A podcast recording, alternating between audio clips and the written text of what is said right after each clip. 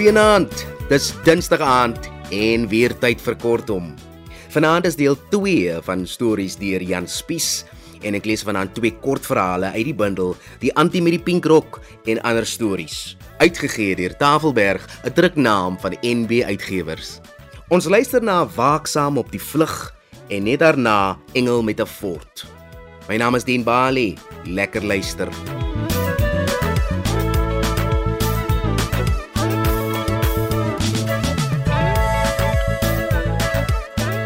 'n Ou vriend van my uit die Kaokoveld van Weleer vertel my een keer van die grootste wat hy 'n hond ooit vir 'n leeu sien skrik het.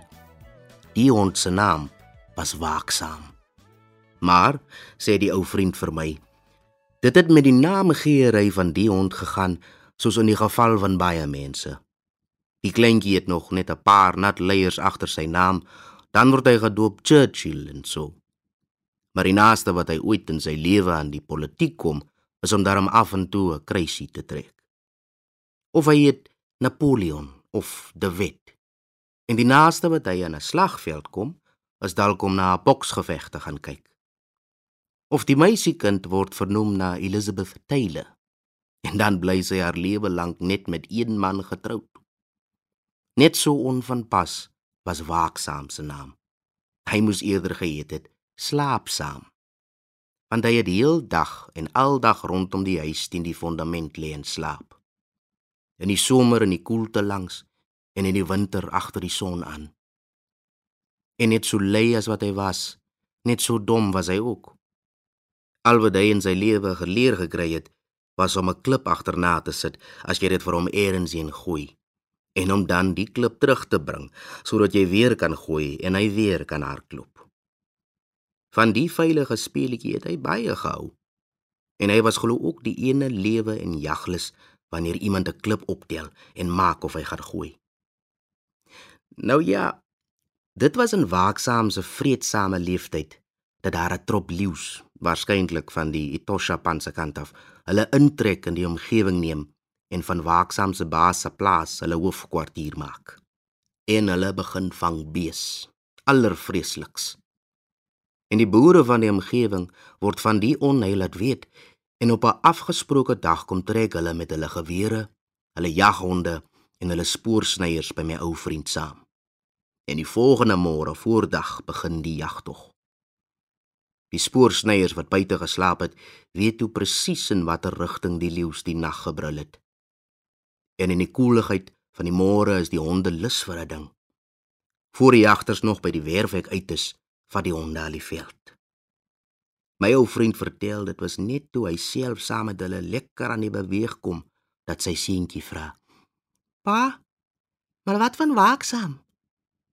Die kerel sê en hy dink dit is miskien nie 'n sleg plan nie. Sê nou waaksaam kry dit reg om met 'n leeu 'n kordaatste kant te vang. En hy kyk om hy se kant toe. En daar lê waaksaam die hele opgewondenheid van mense en honde agterna en kyk. Kyk op 'n manier wat lyk of hy maar bra min beha in so 'n verspottigheid het. En die man roep na hom en buik en maak of hy 'n klip optel en daar kom waaksaam. En so gebeur dit dan dat waaksaam ook saamloop. Met die ander honde het hy niks uit te waai nie. Hy stap so te sê in sy baas se koelte Af en toe lê hy glad vir 'n rukkie onder 'n bos of 'n boom om 'n bietjie te rus, voor hy weer op sy manier probeer om sy baas in te haal. Dit was na 'n uur of so se beweeg van die huis af dat die honde skielik vassteek. Dis toe by die plek waar die leeu's die nag geding gevang het. Die ou vriend van my sê: "Ja, en daar het ek gesien hoe klein enige hond voel in die geselskap van die grootes." Die honde staan en ryk rond met 'n geluidlose ontzag. Die hele spul se sterte is geknyp dat die punte omtrent onder hulle se naaltjies sit. En van die benoudheid drup drup elke hond so lig weg. En hulle se hare is gereis dat hulle se rugvelle omtrent so skropborsels lyk. En aan die rykery aan die graspolle en bossies waar teen 'n leeu met die verbyloop geskuur het, sou 'n mens sweer die honde dink die leeu's het in lewende lywe in die stingels en blare ingetrek. want elke grashalm word van onder tot bo bereik.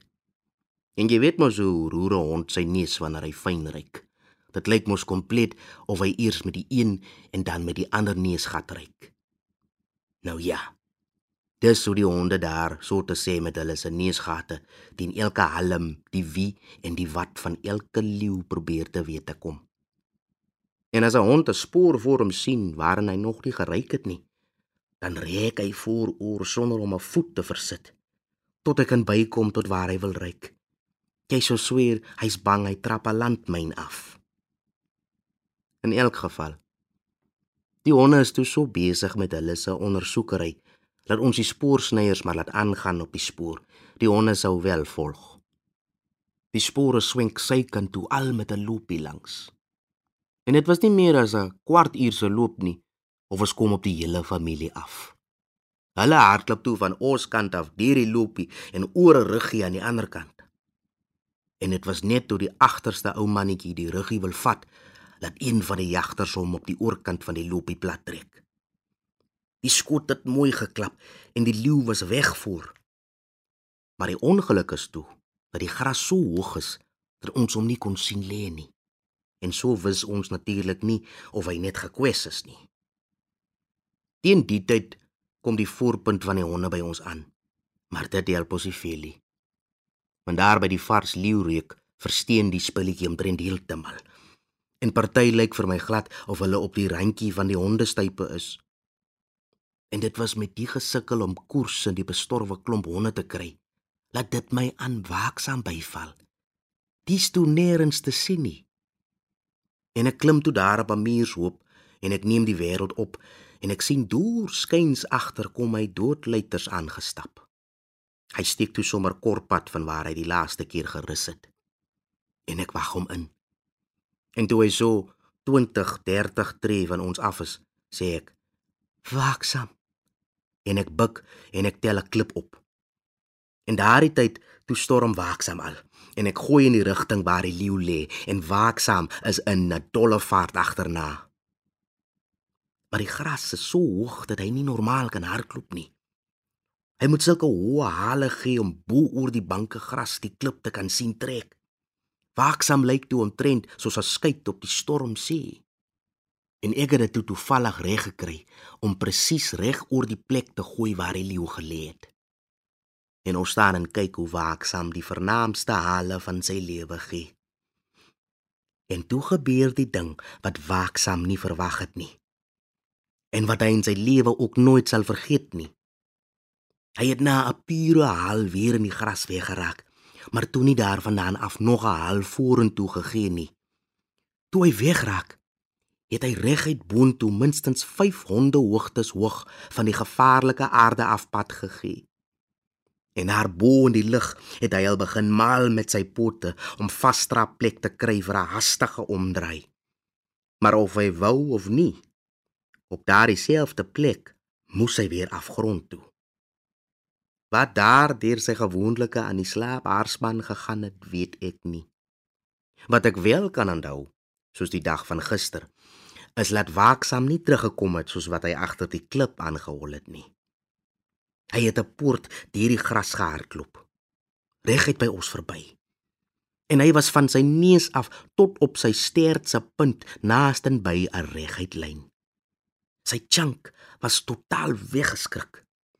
Want toe hy deur hardloop, toe hoor ons vir die eerste keer net so 'n flou chau. Ons wist toe dat die leeu dood of heeltemal buite aksie was. Anders sou waaksaam nie heel uit daarvan afgekom het nie.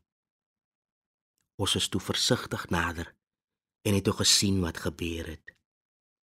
Waaksaam het mooi bo op die dooie leeu beland En dis waar hy die kortste omsit in die geskiedenis van die beskawing in Kaokoland gemaak het. Toe ons by die huis terugkom, het waaksaam al uitgerus teen die muur gelê en slaap. En van daardie dag af kon jy hom met niks beweeg, lok of ooreet om weer van die huis af pad te gaan nie. In 'n klipgooiery het hy 'n ewige wantroue gehad. As jy 'n klip na die een kant toe gooi, dan kyk hy na die ander kant toe weg. Ek sê vir die ou vriend van my, Ja. Dis vir my duidelik dat waaksaam die verkeerde naam gehad het.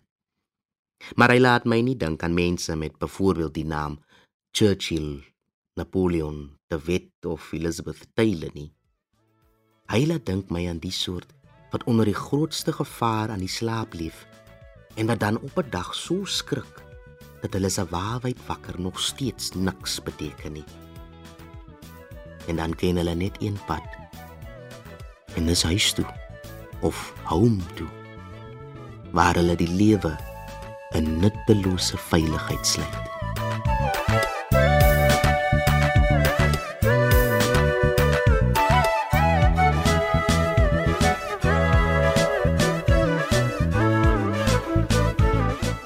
En nou vir ons tweede storie deur Jan Spies, Engel Metafoor.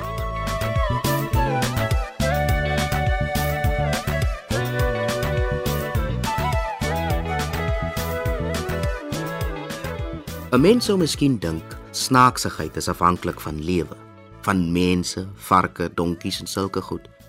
Maar dit is nie so nie. Dit is net van die mens afhanklik. Want as die nie daar was om dit waar te neem nie, sou dit so goed as nooit gebeur het nie.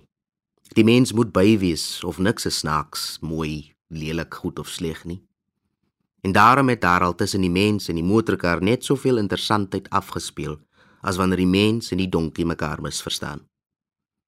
Daar in Bakley oosse omgewing kan dit vreeslik koud word. En een wintermôre, toe dit jy so bitter snerpend is, kom twee kerels met hulle motors in die dorp aan en hulle maak 'n draai by die kroeg vir 'n warm makertjie of twee. En dit was die fout van die dag. Want agter 'n motorkar se stuurwiel kan jy liewer koud versigtig as lekkerder warm en op jou stukke wees. Toe hulle na ruk daar uitkom, was hulle lus vir die wiel. Die een wat altyd voorgery het, genaamd Fransie, kon uit 'n motor haal wat in hom sit. Dit was juis verkoos wat deel dikwels sy agterryer was. Hulle het graag saam rondgevlenter. So mooi om te sien hoe Fransie omdraai wegraak en dit tog reg kry om op die verwagte plek uit te peel. Dit wil nou sê voorkant waar die pad weer wys. En so spring die twee daar by die kroeg weg dat jy net strale klippe sien. Buite kan die dorp is daar 'n steil hoogte met 'n paar skerp draaie. Fransie is om die eerste draai. By die tweede is hy ook om, maar die kinkeldes in die tweede en die derde het hom so uitgegooi dat hy sy kant toe teen die helling afjaag, spruit toe. Teen die skynste lê daar toe klippe so groot soos huise. En een van hulle was in die pad. Ewe fliks as wat Fransie normaalweg sy chor kon vorentoe kry, het hy hom toe ook daar aan sy einde gebring. Toe kos om die tweede draai kom, sien hy pleks van stof om die derde draai. Fransie se kar soos 'n skuit op rowwe see oor die klippe en walle teen die rand af op sy laaste vaart. En teen die groot rotsblok was alles verby. Hy hou stil en hol so toe af om te sien of daar iets van Fransie behoue gebly het. Wat hy nie geweet het nie, was dat Fransie op sy kar se agterkussing 'n sakkie meel gehad het, eintlik 'n pakkie meel want ons is mos al hoeke van die sloop af op die kardoes aangewese. En die pak meel moes met die slag deur die lug getrek en iewers bo Fransie teen iets of teen sy kop ontplof het. En hier kom Koos van agteraf en was omtrent so 20 tree van die wrak toe Fransie daar begin uitsukkel, wit, die ene meel. Net daar het Koos vasgesteek, baie wantrouig en dit toe gewaag. Fransie Is dit jy of is dit jou gies? Maar so van gies en motorkarre gepraat. Ek het in die afgelope tyd darm van wedervarings gehoor.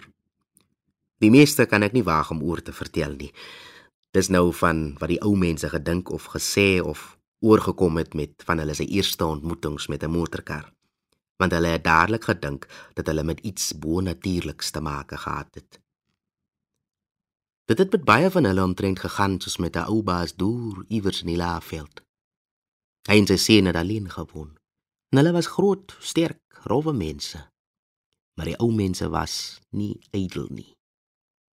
En een aand het hulle soos gewoonlik na ete boeke gevat en sou daarna gaan voete was en dan inkruip. Maar die ou oom het die aand pas klaar gebid toe hoor hulle skielike dreuning. En die ou oom sê vir die seun: Maar jong, Ek het dan vandag nooit 'n wolk gesien nie. Kyk bietjie. En die seun loop tot by die deur. "Pa," sê hy. "Kom kyk. Dis 'n lig wat so dreun." En hulle staan en kyk na die helder lig wat daar aankom en wat baie duidelik huis toe op pad is. En saam met die lig kom die dreuning. Die ou oom sê: "Jong, sal dit nie die volëinding wees nie?" Jy kan nog gaan, maar kyk hier hoe lyk ek. En die ou oom sê die seun moet daar in die voorhuisie bly wag. Hy gaan trek net gou vir hom iets anders aan, vir ingeval.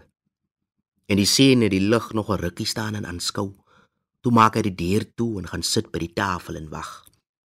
En die dreuning word al harder en harder totdat dit kort by die deur moes wees en daar raak dit stil. Wat die seun natuurlik nie toe geweet het nie, was dat dit so 'n ou dorpsjaap afslaertjie was wat in die omgewing kom wendisie hou en toe verdwaal het. En die kerel kom klim in die donkerte met sy wit stofjas aan daar uit en hy loop tot by die deur waar hy gaan staan en klop. Binnekant het die seun gewonder, "Wat nou?" En hy vat die lanterntjie en hy gaan maak die bodeur oop en hou die lamp skouerhoog dat hy goed kan sien. En daar staan die gedaante in wit geklee voor hom na die boeke vat en die helder lig en die dreuning en daarby nou nog die witte wese kon daar nie meer plek vir twyfel wees nie. Hy sê hy so eerbiedig as hy kon. Naan Engel Gabriel.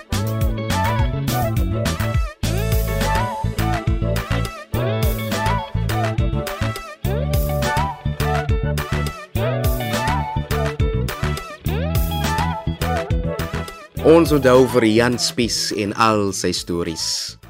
Baie dankie vir die lekker saamluister. Ek groet tot 'n volgende keer. My naam is Dien Bali. Laat dit juig en veilig bly.